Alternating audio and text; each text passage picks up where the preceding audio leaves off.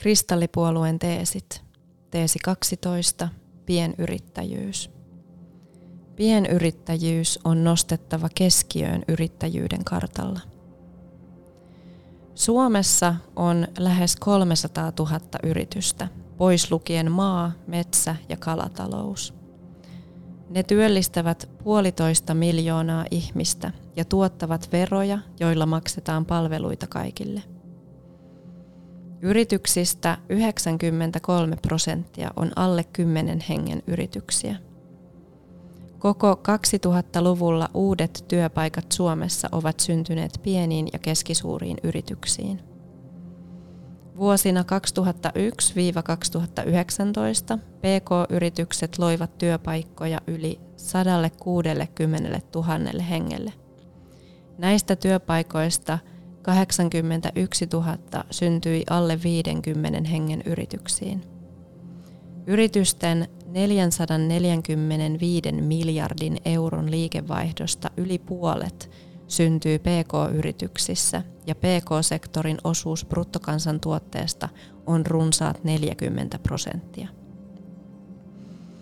Kristallipuolue haluaa nostaa yrittäjyyden keskiöön yksin yrittäjät, itsensä työllistäjät, startup-yrittäjät, suomalaiset eri alojen pienet pk-yritykset sekä maaseudulla toimivat yrittäjät. Haluamme olla mukana luomassa uusia yrittäjyyden malleja ja kevyempää yrittämisen byrokratiaa. Yrittäjyyden tulisi olla helppo ja vaivaton tapa työllistää paitsi itsensä, mutta myös muita. Yrittämisen tulisi olla turvattua erilaisten tilanteiden varalta valtion toimesta ja yrittämisen riskejä voisi jakaa. Erilaiset tukipalvelut sekä rahoituspalvelut tulisi suunnata niin, että pienyrittäjät olisivat etusijalla tuen saajina ja heillä olisi myös mahdollisuus Suomessa nauttia yrittäjätyönsä tuloksista. Myös tukipalveluissa toimivien ihmisten innovatiiviseen yrittäjätaustaan tulisi kiinnittää huomiota. Tarvitsisimme Suomeen oman yrittäjyyden osaston, joka toimisi eri puolilla Suomea. Yhden luukun periaatteella voitaisiin luoda paitsi paikallisia ekosysteemejä yrittäjien kesken, myös auttaa ja palvella yrittäjiä kehittymään erilaisilla osa-alueilla juuri siihen suuntaan kuin he itse haluavat. Yrittäjyyden rakenteiden tulisi olla vaivattomia muuttaa yritystoiminnan muuttuessa ja kehittyessä. Verotuksen pitäisi olla kaiken kaikkiaan kannustavaa ja erilaisen paperityön helppoa hoitaa – Yrittäjyyden arvostusta tulisi lisätä ja kertoa tarinoita valoisasta tulevaisuudesta ja inspiroivista mahdollisuuksista. Yrittämisen avulla erilaiset ihmiset voivat tarttua juuri sellaiseen tekemiseen, joka resonoi ja innostaa heitä itseään. Kaiken yrittämisen taustalla tulisi olla halu vaikuttaa yhteiskuntaan positiivisesti ja muita auttaen. Lähtökohta yrittäjyyteen pitäisi olla kysymys miksi – Miksi teen tätä, mitä teen? Tuoko se minulle iloa? Tuoko se muille apua? Millaisen jäljen haluan jättää yhteiskuntaan? Missä olen parhaiten hyödyksi muille? Mitä osaan? Mitä haluan oppia? Menestyminen työelämässä tai yrittämisessä ei tulevaisuudessa tarkoita välttämättä jatkuvan eksponentaalisen kasvun ihannointia yrityksen omaa etua ajatellen, vaan uutena näkymänä työn tekemisessä pidetään tasapainoa, yhteistoimintaa, toisten auttamista ja yhteiskuntaan positiivisesti vaikuttamista.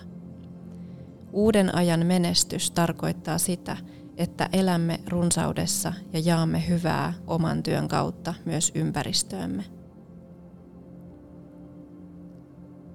Yrittäjyyden uudet muodot tulevaisuudessa – Perinteisen yrittäjyyden rinnalle nousee paljon uusia yrittäjyyden muotoja ja työllistymisen notkeita malleja, joita on helppo ja vaivaton lähteä toteuttamaan ja kokeilemaan ilman suuria riskejä.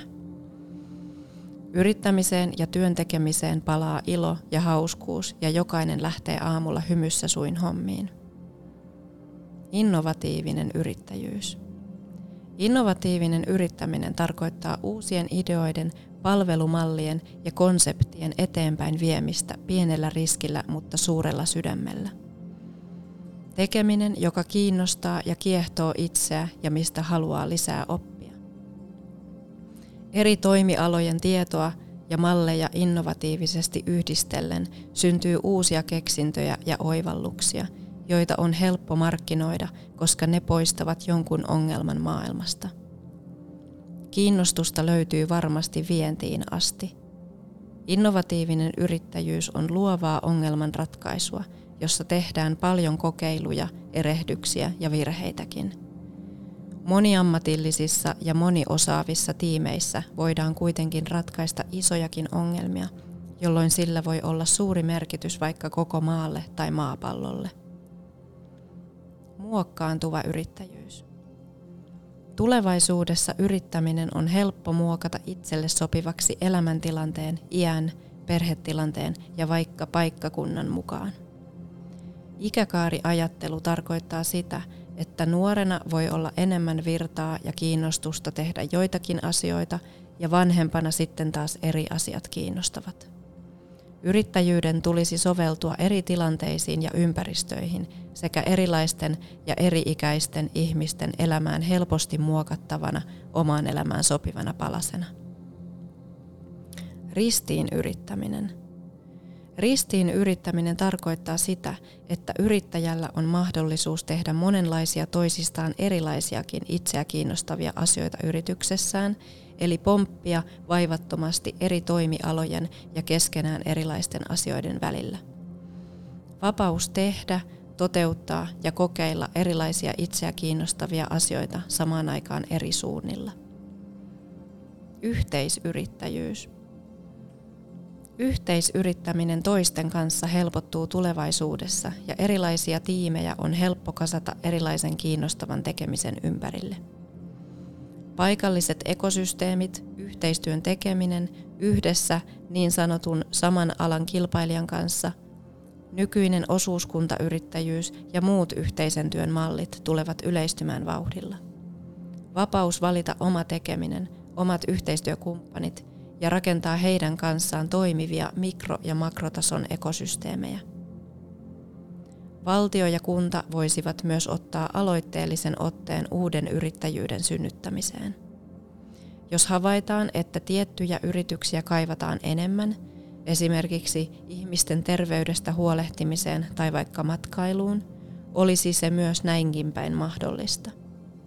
Kristallipuolue kannustaa myös resurssoimaan enemmän tukea sekä aloittavan yrityksen toimintaan että aloittavan yrittäjän tukeen ja apuun, sekä myös yrittäjäkasvatukseen kouluissa ja oppilaitoksissa.